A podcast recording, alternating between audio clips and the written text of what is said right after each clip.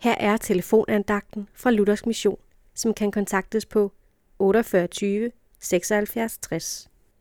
Andagtholderen i dag er Ruth Johansen. Jesus spurgte engang sine disciple, hvorfor er I rystede, og hvorfor kommer der tvivl i jeres hjerter?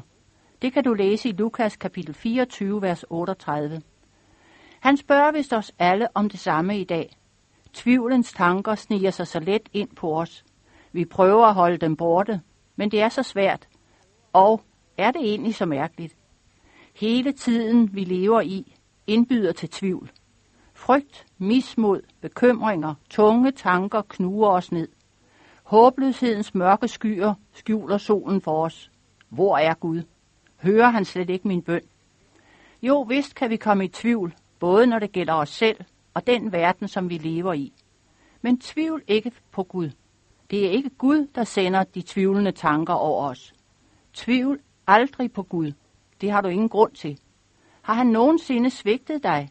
Har han ikke altid hjulpet dig ind til denne dag? Har han ikke altid holdt, hvad han har lovet? Gud er sandru, og han har al magt i himlen og på jorden. Han er dig nær, som skyggen ved din højre hånd. Han ved, hvad du trænger til, og han glemmer dig aldrig.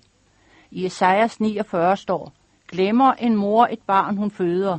Selvom de skulle glemme, glemmer jeg ikke dig. Se, i mine hænder har jeg tegnet dig. Jesus kan fuldkommen frelse dem, som kommer til ham. Dem vil han ingenlunde støde bort. Ingen kan slette den sandhed, at Jesus døde for dig, og det som skete, da han døde på korset og opstod for din skyld, det er nok for dig. Der er ikke noget at lægge til eller trække fra. Amen.